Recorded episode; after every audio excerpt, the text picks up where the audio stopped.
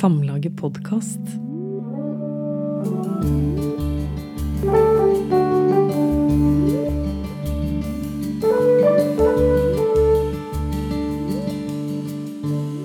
Hulda Garborg. Hvem var Hulda Garborg?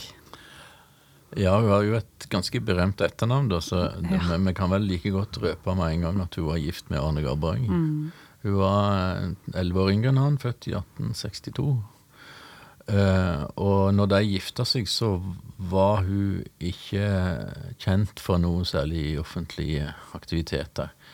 Uh, men ganske snart så innleda hun et uh, ganske stort forfatterskap. Hun skrev over 40 bøker, og hun skrev ca. 15 sånn romaner, noveller, altså fortellende litteratur. Så skrev hun 13 drama, og så skrev hun et par diktsamlinger og noen erindringsbøker. Så det er en svær forfatterskap. Mm. Men i offentligheten generelt så er hun nok mest kjent for at hun var den viktigste personen bak Det Norske Teatret. Som, Ja.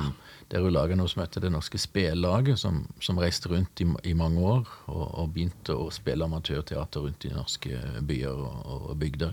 Mm. Og, og etter hvert la grunnlag for Det Norske Teatret og, og, hadde en stor rolle der. Og så var jo i tillegg kjent for at hun eh, samla inn mye kunnskap om bunader, norske nasjonaldrakter, og gjorde det til et, et sånn eh, flott nasjonalplagg. Altså sånn 17. mai og bunadsboomen, på en måte. Det er jo Hulda sitt verk på mange måter. Ja, så, Så hun er- hun er veldig sånn ja, Hun hadde sånn tre-fire forskjellige livsverk, på en måte. Hun Ja. gjorde utrolig mye. ja, virka som hun hadde mye å, å drive med. Men hva er grunnen til at forfatterskapen hennes er forsvunnet bak bunad og teater?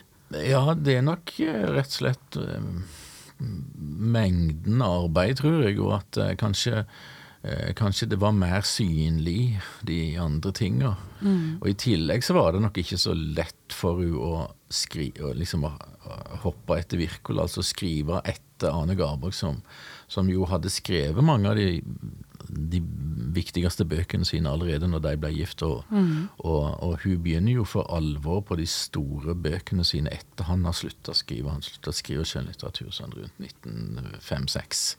Og hennes viktigste verk kom etter det. Så det var, Ja. hun var nok litt i skyggen, selv Ja. om det var ikke hans skyld, for han eh, heia veldig på Hulda. Ja. Eh, men, men det var ikke så lett for henne liksom, å etablere seg der. da. Nei. Du hva Hulda skrev om, da? Hulda skrev jo eh, eh, mange romaner som delvis handler om oppvekst, jenteoppvekst, der du ser noen spor av hennes eh, tidlige liv. Eh, så skrev hun mye om ekteskapsproblematikk. Så det er liksom, det er en sånn barn-ungdom-fase, og så er det en sånn voksenliv-fase, og så er det også en, en morsrollefase. morsrollefase. Hulda Garborg var jo veldig opptatt av familien, og hun var opptatt av kvinneroller og kjønnsroller, og hadde en spesiell profil der, der hun uh, framheva forskjellen på kjønnene. Hun var ikke veldig begeistra for Norsk kvinnesaksforening, som ville gi rettigheter til kvinnene, for hun mente at de, de oppfatta kvinner og menn som like. Mens hun mente det var veldig viktig å ta vare på de forskjellene som faktisk finnes mellom kjønn. Så der var det en, en konflikt. Og hun, hennes forfatterskap handler jo veldig mye også om det å få lov til å være kvinne, at det kvinnelige, den kvinnelige kunnskapen og, og ferdigheten som er knytta til alle disse tingene som hun samla en kunnskap om. altså Matlaging, husstell, bunadssying osv. Så videre, sånn at det skulle oppvurderes og sees på som store kulturelle eh, aktiver. Eh, og, og dermed så kolliderte du delvis med kvinnebevegelsen. da. Ja, jo, det gjorde jo sikkert noe med hvordan hun ble mottatt og forstått. Ja, På den absolutt. tida. Eh, jo, det var jo i de mest intense eh, stridighetene omkring det i forbindelse med ei bok som heter 'Kvinnen skapt av mannen'.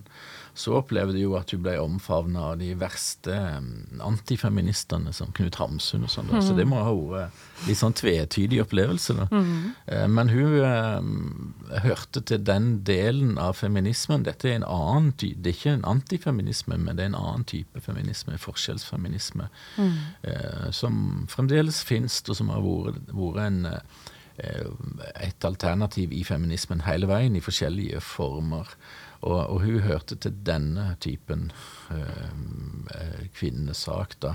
Og, og hun, hennes bedrift på mange måter er jo nettopp å skrive om kvinneliv og, mm. og den kvinnelige måten å oppleve de forskjellige livsfasene på. Mm. Ble hun lest biografisk? Hun ble lest eh, over alle grenser biografisk. Ja. Eh, slik at når vi skrev den boka som heter 'Kvinnen skapt av mannen', som handler om et ektepar der mannen er en gammel, litt sånn distré vitenskapsmann som bare sitter inne med bøkene sine hele tida, og som har ei veldig sånn vital og flott kone som, som har behov for noe mer, mm. så ble det umiddelbart lest som Ane og Hulda. Ja. Eh, og det er, er veldig feil, eh, fordi dette er jo ei bok som er en replikk inn i, i debatten om hvordan en skulle forstå kjønn, og særlig knytta til en, en, tysk litt sånn forstyrra eh, tenker som heter Otto Weininger.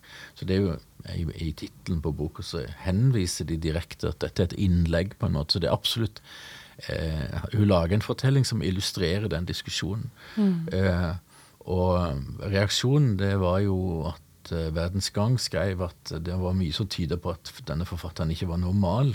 For en normal forfatter ville aldri skrive så utleverende, ikke bare om seg sjøl, men til like om sin mann. Eh, så, så, hun ble oppfatta i, i altfor stor grad biografisk. Ja, ikke sant. Og det har vedvart eh, i høsten folk har lest? Ja, en har nok lest henne mm, på på, i, på, den måten. Og det er jo også, når en leser hele forfatterskapet, så ser du at det er noen biter av livet som hun stadig kommer tilbake igjen eh, til å bearbeide litterært, som de fleste forfattere gjør. Mm. Men, eh, men, det er jo kanskje mer interessant å lese av i forhold til litterære tradisjoner. Eh, hvordan hun kommer inn i forhold til naturalismen. Hvordan, eh, og ikke minst eh, dramatikken som hun skrev der er jo en av de få forfatterne i Norge som virkelig bryter ut av Ibsen, Ibsens skygge, som det er blitt kalt. Ja. Sånn lage, ja, hun, hun, bruker helt andre dramaformer, og, og også andre temaer. Hun skriver et, et, drama om Buddha, f.eks. Mm. Og så skriver, bruker hun folkloristikk, folkedans, sånn som, som, hun kjente veldig godt, i det som heter Lite Kjersti, som er, som er et veldig interessant drama, og som totalt bryter med med den ibsenske eh, samtidsrealismen som han skrev i siste del av livet. Eh, det er veldig interessant. Og, mm. og han eh, Ja, den moderne eh, skribenter som har skrevet om norsk drama, framhever nettopp henne og Aslaug Vaa mm. som de, no, to av de som bryter virkelig ut av det, av det ibsenske paradigmet, som av ja. den grunn ikke alltid blir forstått. Fordi mm. det blir feil å skrive annerledes enn Ibsen ja. i Norge. Men eh, er dramatikken hennes glemt, da? Eller er den Den er jo ganske mye spilt, sånn totalt sett. Mm. Men det er, ikke, det er, ikke, så veldig mange drama fra, fra slutten av 1800-tallet, begynnelsen av 1900-tallet som blir spilt i dag. Uh, og faktisk så er jo en sånn, en sånn uh, komedie som er mest kjent, som heter 'Rasjonelt fjøsstell', som er en slags mm. Erasmus Montanes en Holberg-komedie fra landet. Mm. Det som er mest spilt, og det er spilt mye på sånne amatørscener. Men jeg tror at noen av de mer komplekse dramaene hennes gjerne kunne tålt å bli oppført på ny. Det hadde vært veldig interessant å se hvordan det ville blitt i dag. Lite mm. Kjersti under Bodhi-treet enn om Vudda, f.eks. Mm. Uh, du kaller jo Hulda Garborgs forfatterskap uh, glemt. Uh, blir Hulda Garborg lest av noen i dag, på skole eller andre steder? Jeg vet ikke om jeg sier det så sterkt som at du er glemt, for Hulda Garborg er en person som blir huska, og mm. det blir skrevet store bøker om henne, f.eks. av Arnhild Skræ, som skrev en glimrende biografi ganske nylig. Og der går den jo gjennom dramatikken. Men det er jo sånn at hvis en leser litteraturhistoriene, så står det bare noen små notiser nærmest om Hulda Garborg. Mm. Eh, og av de bøkene hun har skrevet, så er det eh, faktisk noen som er blitt trykt opp igjen i nyere tid. 'Kvinnen skapt av mannen' og 'Et fritt forhold', som er debutromanen. Så er det trykt ett eller to drama. Så, så, et visst liv har disse bøkene. Mm. Men i det hei, totale bildet av Hulda Garborg så spiller det hun skrev skjønnlitterært, en veldig liten rolle. Mm. Det er bunader og Det Norske Teatret. Mm. Hvor burde en starte da, hvis en skal begynne å lese Hulda Garborg?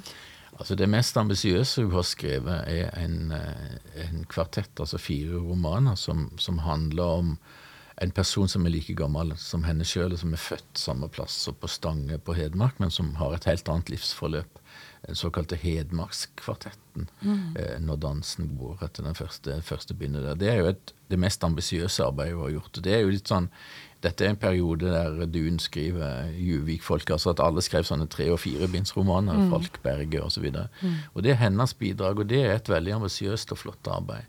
Mm. Um, så men um, jeg har også sansen for en liten novellesamling som heter Barn i by, der hun skriver om barn som blir forsømt. Nesten, nesten sånn barnevernsperspektiv, på en måte. Hvordan har ungene det i, eh, hos veldig fattige familier?